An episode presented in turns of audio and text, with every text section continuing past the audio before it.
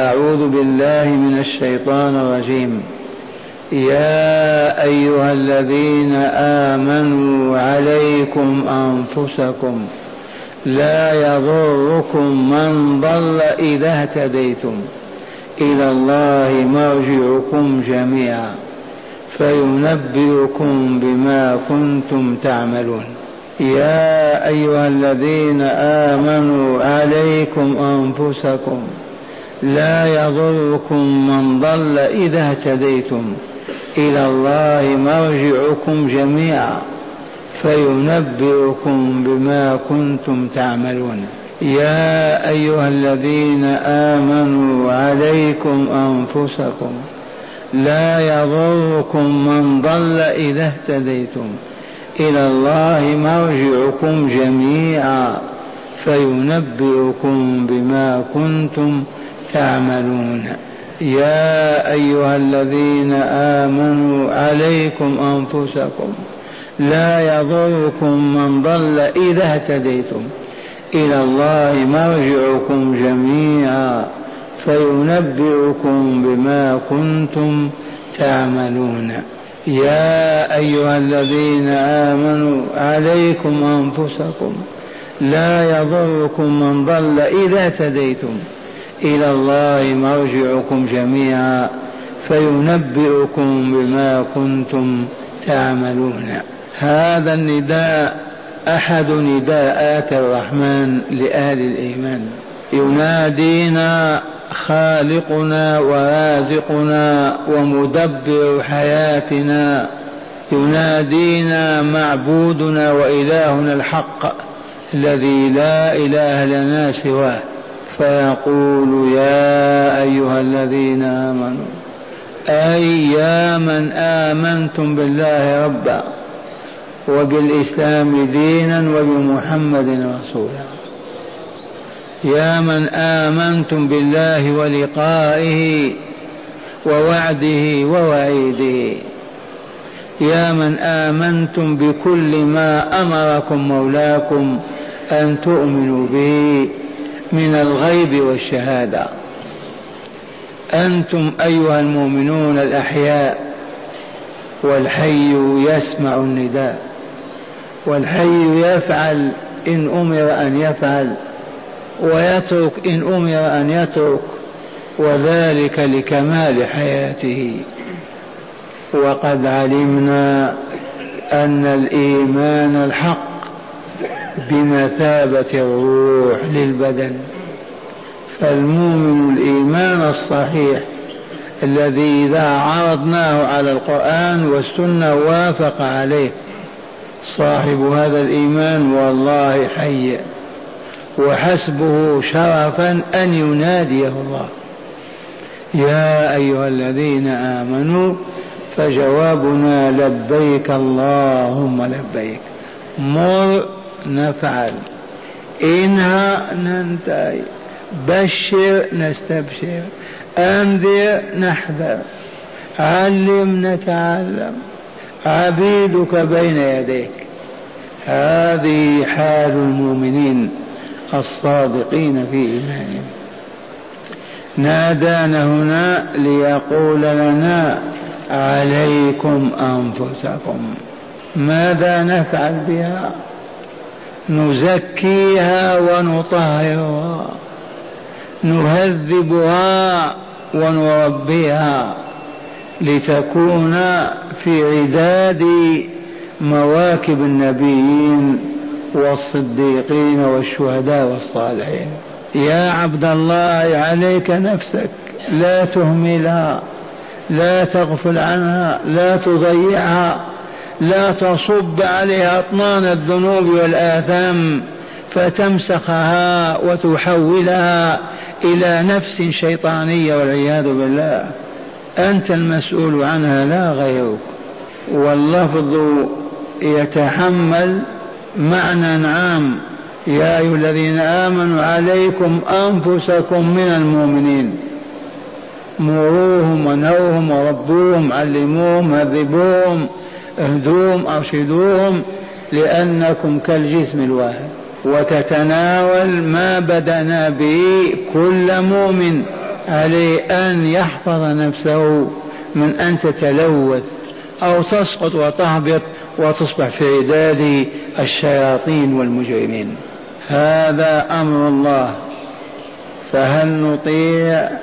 يا ويحنا إذا لم نطيع هيا نحفظ لأنفسنا طهارتها أولا نطهرها بمواد التطهير وهي الإيمان والعمل الصالح. والعمل الصالح ما وضعه الله لنا لنعبده به من كلمة لا إله إلا الله إلى إماطة الأذى عن طريق المؤمنين. كل العبادات من صلاة من زكاة صيام بر الوالدين قول المعروف ذكر الله تلاوة كتاب الله الجهاد الرباط كل عبادة هي عبارة عن مادة لتزكية النفس. إذا استعملها العبد على الوجه المطلوب أثرت في نفسه بالطهر والصفاء. حتى تصبح روحه كأرواح الملائكة. ثم علينا إذا طهرنا أن نحافظ على طهارتها. لا نغسل اليوم تنظف غدا نصب عليها برميل زبل فنسودها ونلطخها لا بد من المحافظة على طهارتها وزكاتها. حتى الموت وإن زلت القدم واستغفلك العدو يوما في الدهر التوبة النصوح. تزيل ذلك الأثار وتذهبه ويحل محله الأثر الطيب. قال تعالى إلا من آمن وعمل عملا صالحا فأولئك يبدل الله سيئاتهم حسنات. ما كان ظلما ونتنا في النفس يصبح نورا وطهارة وريحا طيبة. يا عبد الله يا أمة الله حافظ على نفسك.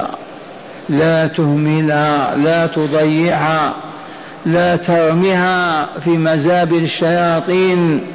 جنب كل ما من شأنه أن يلوثها كالكذب كالحسد كالشرك كالبخل كالخيانة ككل الذنوب. ما من ذنب حتى النظر تتعمد وهو تنظر مرأة في الشارع أو على النافذة بقصد النظر إليها. والله تحول نفسك إلى نتن وعفونة إذا لم تبادر بغسلها وتطهيرها. مرة أخيرة أمرنا مولانا عز وجل أن نحافظ على زكاة أنفسنا وطهارتها. أولا نستعمل التزكية والتطهير فلما تطهر لا نسمح أبدا لأدنى دخن يصيبها. وإن زلت القدم كما قلنا أستغفر الله أستغفر الله أتوب إلى الله تمرغ بين يدي الله وأنت تبكي في صدق عازم على ألا تعود إلى هذا الذنب ولو قطعت وصلبت فإن هذا الأثر ينمحي بإذن الله مع التوبة الصادقة. إلا من تاب وآمن وعمل عملا صالحا فأولئك يبدل الله سيئاتهم حسنات وكان الله غفورا رحيما. قلت مرة أولى أن الآية تتناول أمة الإسلام لأنها جسم واحد. عليكم أنفسكم أيها المسلمون. ولا تبالوا بأولئك عبدة الأصنام والأحجار وأصحاب البحيرة والسائبة وما تقدم. شأنهم إلى جهنم. لكن أنتم أيها المسلمون حافظوا على طهارة أرواحكم وزكاة نفوسكم. عليكم أنفسكم. وقوله لا يضركم من ضل بقيد. إذا اهتديتم. من ضل الطريق الموصل إلى رضوان الله ودار السلام ومواكب النبيين والصديقين والشهداء والصالحين لا يضرنا أبدا إذا نحن اهتدينا. أنت هديت فاعبد الله عز وجل واستقم على منهجه وما ضرك بلايين الكفار والمشركون. أبدا. لا يضركم من ضل الطريق واخطاه وسلك سبيل الشياطين. ولكن بشرط أو بدون شرط. إذا اهتديتم. وهنا ما معنى اهتدينا. اهتدينا اولا إلى الإيمان الصحيح والتوحيد لله رب العالمين ثم عبادته بما شرع أن نعبد ثم تجنب كل ما من شأنه أن يؤثر على أنفسنا بالخبث والتدسية أي باجتناب كل ما حرم الله ورسوله من النظر إلى أكل الربا وهنا ألفت النظر وقد سبق أن عرفتم أنه لا بد من معرفة ما نعبد الله به ومعرفة ما نتجنبه مما حرمه الله. فالعلم ضروري. يا عبد الله اغسل ثيابك وهو ما يعب بما يغسلها. لابد أقدم له مادة الصابون أو الطائب أو الماء. فأنت تقول يا عبد الله زكي نفسك كيف يزكيها دله على مواد التزكية وعلمه كيف يستعملها. حافظ يا عبد الله على زكاة روحك وطهارتها. بين له أن لا يأتي ذنب من الذنوب يلوثها ويخبثها فلا بد من معرفة محاب الله ومكاره. لا بد يا عبد الله يا أمة الله من أن تعرف محاب الله ومكارهه فإذا عرفت محاب الله عرفت وعد الله. وإذا عرفت مكاره عرفت وعيده. إذ لله وعد ووعيد وإلا لمن الوعد؟ لمن أطاعه. لمن الوعيد؟ لمن عصاه. محاب الله. الله يحب نعم هذه العبادات ما شرعها إلا لأنه يحبها.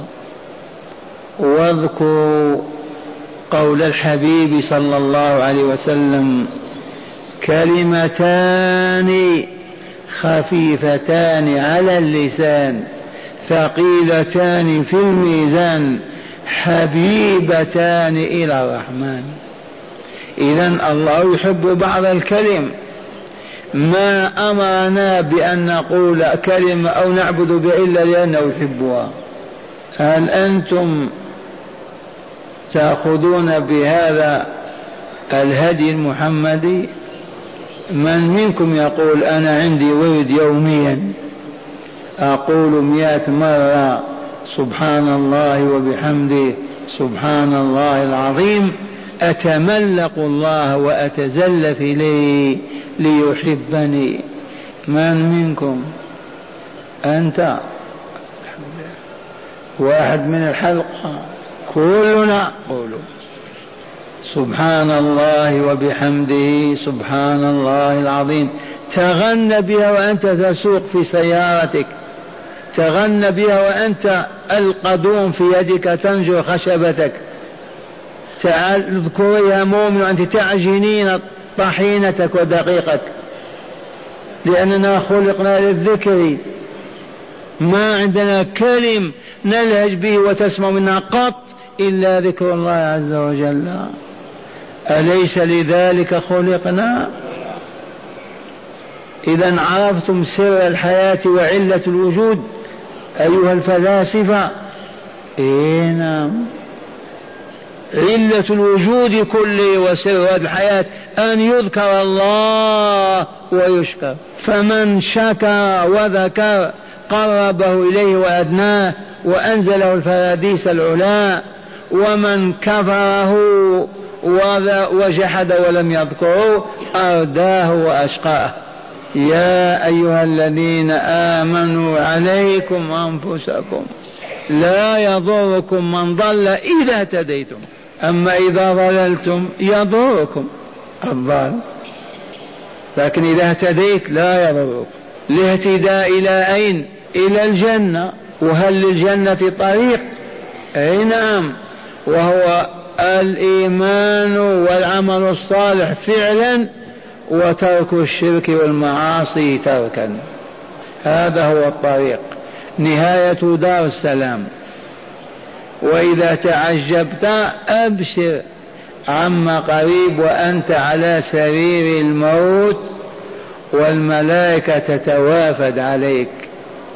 وأنت تستبشر بهم وتضحك.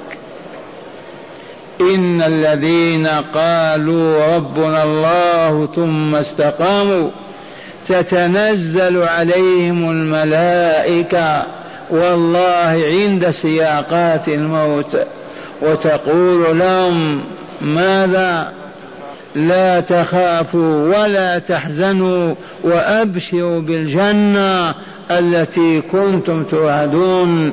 نحن اولياؤكم في الحياة الدنيا وفي الآخرة. ولكم فيها ما تشتهي أنفسكم ولكم فيها ما تدعون نزلا ضيافة من غفور رحيم.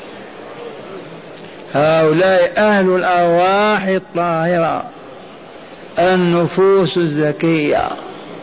أما الملوثة المخبثة المنتنة لا لا يا أيها الذين آمنوا عليكم أنفسكم لا يضركم من ضل إذا اهتديتم.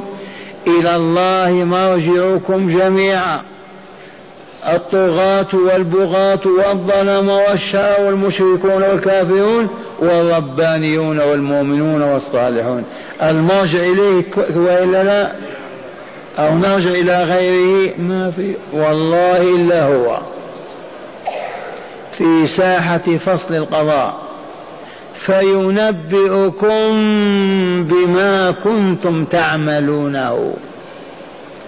وإذا نبأنا وأخبرنا لما يلعب يعني إذا نبأنا ليقيم الحج علينا وتأتي السجلات الضخمة. والله ما ترك لنا عمل صالح كان أو فاسد إلا دو وكتب وسجل. فأما من أوتي كتابه بيمينه فيقول ها اقرأوا كتابيه إني ظننت أني ملاق حسابيه فهو في عيشة راضية في جنة عالية قطوفها دانية. يقولون لهم كلوا واشربوا هنيئا بما أسلفتم في الأيام الماضية الخالية. أي أيام خالية هذه؟ هذه الأمسية منها بما أسلفتم في الأيام الخالية. وأما من أوتي كتابه بشماله الأول كتابه حسنات ذات أنوار يعطونه بيمينه والآخر سيئات منتنة شرك وخبث ما يعطوها بيمينه بشماله. ووراء ظهره أيضا. ما يواجه يأخذها خذها فيقول يا ليتني لم أوت كتابيا أي لم أعط كتابي ولم أدر ما حسابي. يا ليتها كانت القاضية. يود الانتحار ولا ينفع انتحار. يود لو يموت في تلك الساعة. يا ليتها كانت القاضية. ما أغنى عني ماليا هلك عني سلطانها هاتان المصيبتان المال والسلطان. من طبع الإنسان يحب أن يسود ويعلو ويتكبر ويترفع من حب من حب من طبيعة أن يحب المال. حبا جما. وإلا لا. من يقول أنا لا أحبه؟ ممكن من شاخ أصبح على شفا حفرة ممكن. ومع هذا قد يشيب المرء ويشيب معه حب المال والدنيا. إذا خذوه من الآمر؟ الله جل جلاله من المأمور؟ ملائكته زبانيته. خذوه أولا فغلوه. الغل يوضع في عنقه. خذوه فغلوه ثم الجحيم صلوه ثم في سلسلة ضرعها سبعون ذراعا فاسلكوه. يدخلون من فيه ويخرجون من دبوره كحبة المسبحة. سبعون ذراع من أذرعتنا أو أذرعة السلطان. لا لا لا. لأن ضرسه كأحد وعرضه 135 كيلو متر طوله كم إذا هذه السلسلة كم؟ وذرعها سبعون ذراعا. فاسلكوه. لما علل. إنه كان لا يؤمن بالله العظيم ولا يحض على طعام المسكين. فليس له اليوم هاهنا حميم ولا طعام إلا من غسلين لا يأكل إلا الخاطئون. الغسلين غسالا العرق والدماء والأوساخ التي تتجمع أطنان بحور ذلك هو طعامه لا بقلاوة ولا حلاوة ولا لوبيا ولا جزر. الطعام ما يسيل منه من عرق ودماء ودموع وأوساخ تتجمع بكميات وهي الطعام. قولوا آمنا بالله آمنا بالله آمنا بالله. معاشر المستمعين اسمعوا الآية من جديد. يا أيها الذين آمنوا عليكم أنفسكم لا يضركم من ضل إذا اهتديتم. قالت العلماء لم تتم هدايتنا إلا إذا أمرنا بالمعروف ونهونا عن المنكر.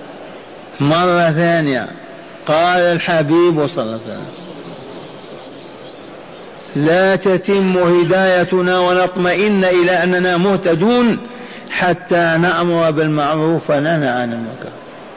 لأننا إذا رأينا المنكر يرتكب بيننا وما نهيناه ورأينا المعروف ضائعا وما أمرنا به ولا فعلناه نهتدي ننتكس. إذا انتشر الباطل في قرية أو مدينة أو في بيت يعمها. فلا تتم هداية حق إلا إذا أمرنا بالمعروف ونهونا عن المنكر. وإليكم حديث الحبيب صلى الله عليه وسلم. روى أبو داود والترمذي وغيرهما والحديث حسنه الترمذي وغربه قال حسن غريب ولا تضر غرابته. قال أتيت أبا ثعلب من هو هذا؟ هذا أبو أمية الشعباني. أبو أمية الشعباني من التابعين قال أتيت أبا ثعلب الخشني الصاحب الجليل. فقلت له كيف تصنعون بهذه الآية يا علماء؟ كيف تصنعون بهذه الآية؟ أية آية؟ يا أيها الذين آمنوا عليكم أنفسكم لا يضركم من ضل إذا اهتديتم إلى الله مرجعكم جميعا فينبئكم بما تعملون ويجزيكم الخير بالخير والشر بالشر. فقال أية آية؟ تسأل أنت. قلت قوله تعالى يا أيها الذين آمنوا عليكم أنفسكم لا يضركم من ضل إذا اهتديتم. قال أما والله لقد سألت عنها خبيرا. أما والله لقد سألت عن هذه الآية خبيرا. أنتم الآن كلكم خبراء إن شاء الله. إذا فهمتم معناها. لقد سألت عنها خبيرا. سألت عنها رسول رسول الله صلى الله عليه وسلم. أنا الذي الخبير كيف حصلت لي هذه الخبرة؟ سألت أنا عنها رسول الله صلى الله عليه وسلم. سألت عنها رسول الله صلى الله عليه وسلم فقال ائتمروا بالمعروف وتناهوا عن المنكر.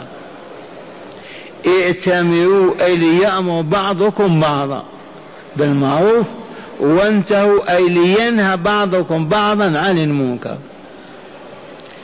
الحمد لله أنا أفكر في الآية وأمامنا مصلون بينهم أحد الإخوان ثوبه يسحب في الأرض.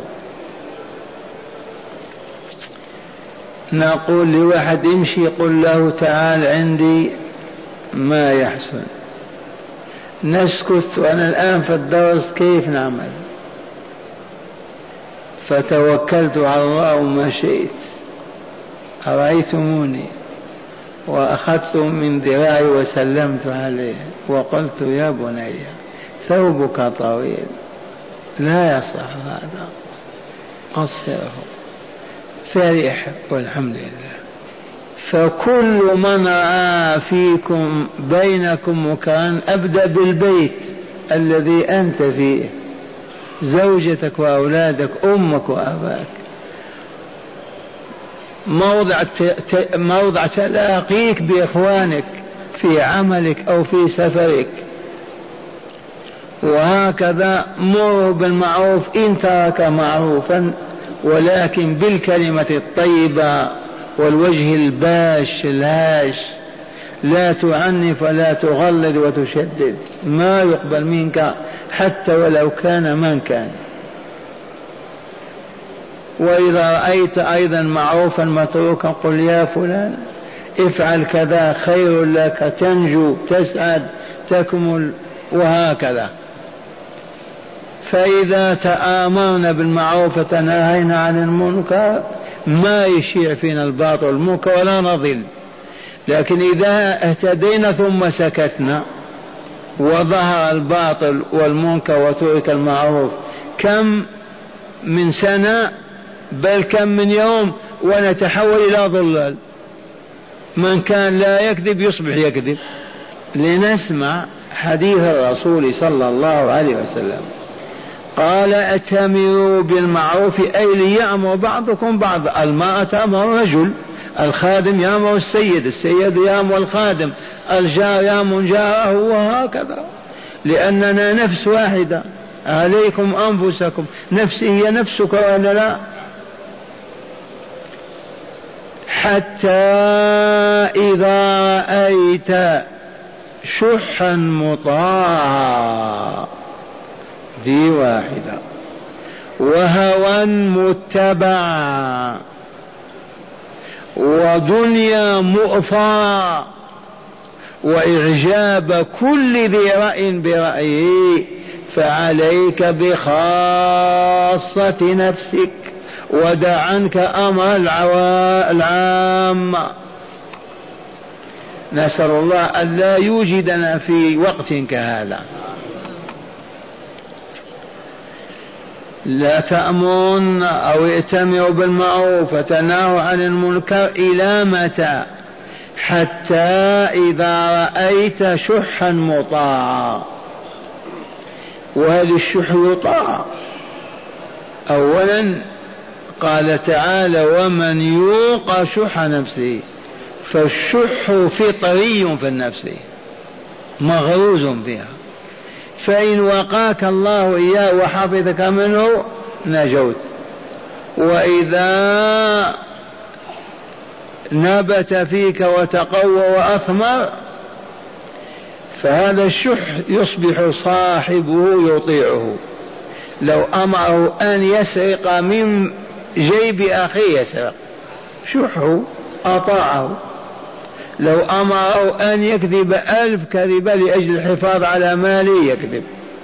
الشح وهو البخل أو أشد من البخل وهو منع الحقوق. هذا مرض إذا وقانا الله منه نجونا ونسأل الله أن يقينا وقالت العلماء من أدوية علاج الشح الصدقات. تمرن وتعود على الصدقة. في يدك سبع تمرات تصدق بتمر. بين يديك خمس لقمات طعام وجاء سائل أعطيه لقمة. في يديك عشر ريالات جاء سائل أعطيه نصف ريال أو ريال. تمرن على هذا تبرأ من هذا المرض. لا علاج له إلا الصدقة. بها يعالج شح النفس وهو بخلها. قد تبخل بالمال وقد تبخل ببدنها تبخل بعرضها تبخل تبخل بحياتها كلها. إذا جاء هذا الوقت ورأيت شحا مطاعا الشح الذي لا يطاع موجود فينا لكن إذا كان الشح يطيع صاحبه. ثانيا وهوى متبع رأيت الهوى لا الشرع ولا القانون ولا ولا ولكن هوى النفوس متبع. الناس يتبعون أهواءهم أيما شيء تزين النفس يفعله. هل لهذا مثال؟ هذا الذي شاع بين الناس منها الأدشاش التي على السطوح. هل أمر الله بهذا؟ هل بلغكم أن هذا حلال وطيب مما يرضي الله؟ الجواب لا بل أعلن رسميا في الصحف والإذاعة أنه حرام. كيف تجده الآن على السطوح؟ ما سببه؟ والله ما هو إلا الهوى المتبع. اتبعوا أهواءهم ما اتبعوا دين الله ولا دين رسوله ولا ما جاء في كتاب الله ولا سنه والله ما هو إلا هو متبع. هؤلاء الذين يبيعون البرانيط العامة ما يفهمون البرنيطة نحن عشنا مع فرنسا المستعمرة.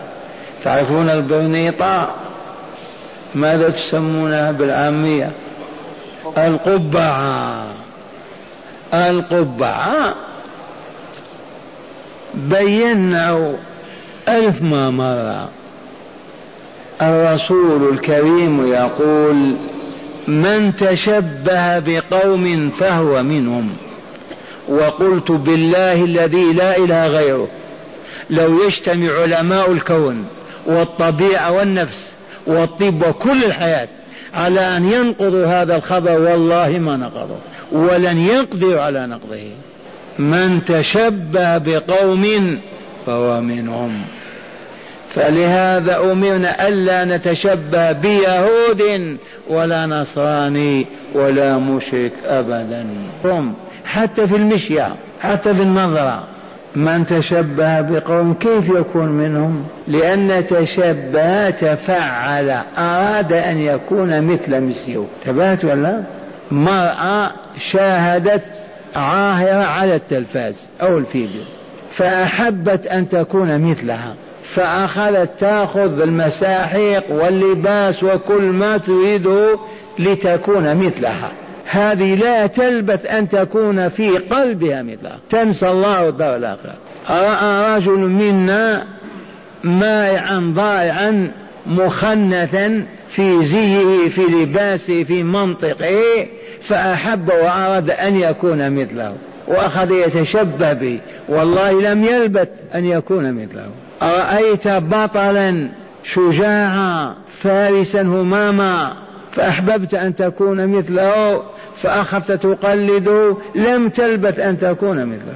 لأنك أردت رأيت عبدا صالحا فأحببته وأردت أن تكون مثله فتأخذ في التشبه به في عمامته في مشيته في جلسته في منطقه في أذكاره في عبادته والله ما تلبث أن تكون مثله. هذه قاعدة وضع أبو القاسم من وحي السماء من تشبه بقوم فهو منهم. فهذه البرانيق من يصدرها لنا؟ يهود. يوجد يهود في المدينة. أليسوا تجار قولوا بلى. كيف يا تاجر في مدينة الرسول؟ في مكة بلد الله عز وجل. تستورد البرانيق لتبيعها لأبناء المسلمين. فأصبحوا يتبجحون بها في الشوارع حتى في المسجد لولا أن طردناهم من الحلقة يأتون إلى الحلقة. هذا منكر وإلا معروف؟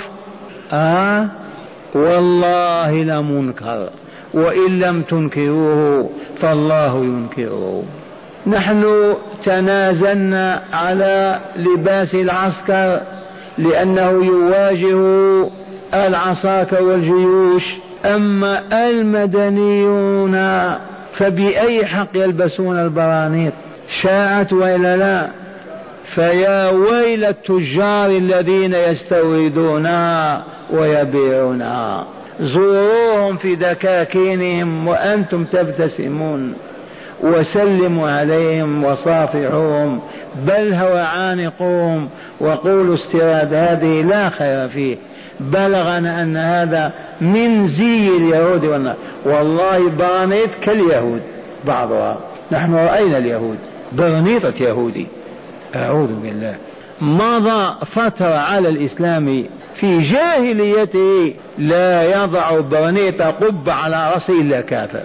على سبيل المثال عايشنا الديار المغربية المغرب الجزائر تونس ليبيا. والله ما يلبس مدني برنيطة والحاكم فرنسا. انتبهتم؟